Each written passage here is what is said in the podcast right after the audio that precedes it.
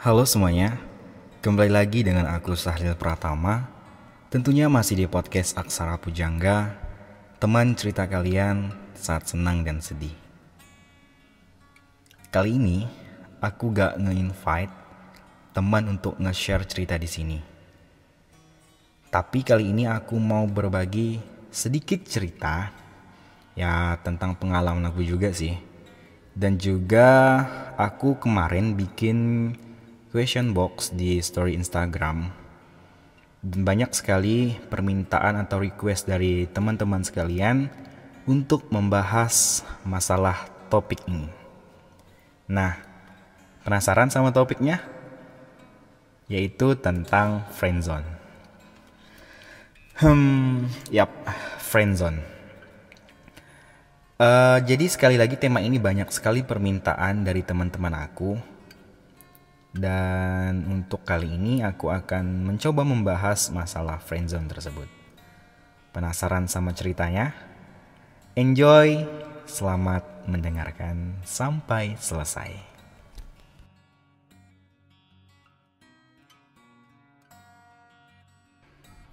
Friendzone. Iya, friendzone.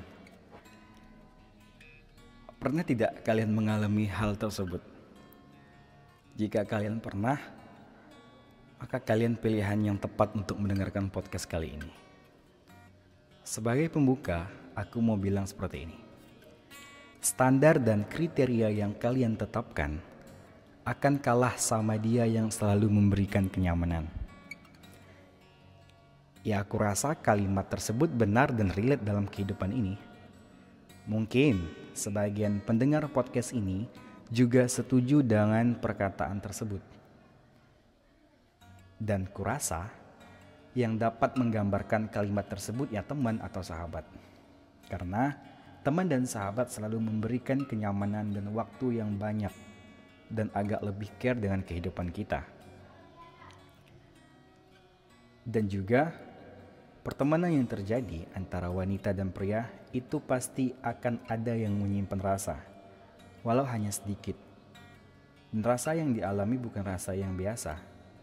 Rasa cinta dan sayang yang lebih dari sekedar kata teman dan sahabat. Ya, namanya juga hati kan. Kita tidak ada yang tahu kapan dan di mana, kemudian sama siapa, kita tidak tahu hati tersebut menyimpan rasa. Apalagi kalau circle pertemanan antara pria dan wanita itu memang agak intim.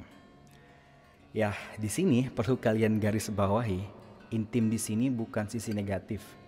Jadi yang saya maksudkan intim di sini ialah kita yang selalu dekat dari awal dan bahkan sejak kecil dan dia yang selalu memberikan semangat saat kita lelah, selalu menghibur saat kita sedih dan selalu menjadi support system di saat kita sedang terpuruk. Nah, jadi uh, perlu kalian garis bawahi makna dari intim tersebut bukan hal yang negatif. Kemudian aku sangat benci atau kesal jika ada seseorang yang bilang seperti ini. Hmm, ah kalian tuh lebay, bisa suka sama teman atau sahabat sendirilah. Kalian baper, inilah itulah bla bla bla dan apa pun itu. Kawan, aku cuma mau bilang begini. Rasa sayang, cinta itu tidak ada yang tahu sama siapa dia mau berlabuh dan sama siapa yang mau, ia mau bersama. Hati memang tidak bisa diatur, tapi dari hatilah kita tahu ke mana pilihan ini akan berlabuh. Kemudian, pernah tidak kalian mendengar kata-kata seperti ini? Cinta sejati itu datang dari persahabatan. Aku sering banget mendengar ucapan tersebut, dan lagi aku merasa relate dengan kehidupan ini. Mengapa? Ya karena seperti ku bilang tadi bahwa sahabat kita sudah tahu segala sisi dan isi yang ada di dalam kita. Jadi, kalaupun benih cinta itu tumbuh dan menjadikan kita selalu bersama, maka cinta dan persahabatan yang kalian bangun akan bertahan lama. Artinya, cinta yang sesungguhnya akan menimbuhkan atau menumbuhkan persahabatan sejati antara dua hati tersebut. Nah, aku juga pernah sih sebenarnya pacaran sama sahabat atau teman. Dan ya menurutku rasanya itu campur aduk. Di satu sisi, kita seneng banget kita bisa selalu sering bertemu, ngumpul dan ngobrol bareng. Jadi kita bisa ngumpul bareng sahabat dan sekaligus ngumpul sama pacar. Jadi waktunya selalu ada untuk keduanya. Nah, Terlepas dari itu semua, ada juga yang orang yang mau menghabiskan waktunya berduaan saja dengan pacar biar lebih romantis. Jadi itu nggak masalah yang terpenting waktunya itu sudah terbagi antara sahabat dan teman. Nah, uh, menurutku friendzone ini juga memiliki sisi negatif. Nah, yaitu pada saat kita sudah tak ada hubungan lagi sama dia. Nah ini yang ditakutkan oleh sebagian orang yang terjebak oleh friendzone. Mengapa? Karena rasa canggung itu pasti ada. Dan lama-kelamaan, rasa canggung itu berubah menjadi rasa kecewa, kesal, dan bahkan ada juga rasa benci dan itulah yang sangat tidak baik untuk pertemanan tersebut. Nah kemudian uh, ada juga orang yang sudah putus dan kembali lagi seperti biasa di circle pertemanannya. Ya, sebenarnya tergantung dari sikap pribadi seseorang lagi sih. Kalau kita bisa mendewasakan diri, ya kita pasti tidak akan seperti itu. Nah, kemudian yang aku alamin selama terjebak di masa-masa friendzone ini, eh bukan ini sih maksudnya kemarin-kemarin yang lepas. Ya aku pun juga gak tahu sih bahwa ke mana arah hati ini apakah akan mengulangi kejadian lagi seperti ya di pertemanan sebelumnya atau tidak? Itu aku belum mau cerita di sini. Sesudah aku tidak ada lagi hubungan hmm, rasa cinta yang dalam dan rasa cinta yang lebih sama dia aku dan dia tetap berteman akrab dan tetap menjadi sahabatan. Dan bahkan sudah seperti adik dan kakak Ya, jadi kita bisa saling menjaga dan saling memberikan kenyamanan satu sama lain. Tapi konteksnya ya bukan pacaran lagi, jadi kita tinggal sebatas teman dan sahabatan saja.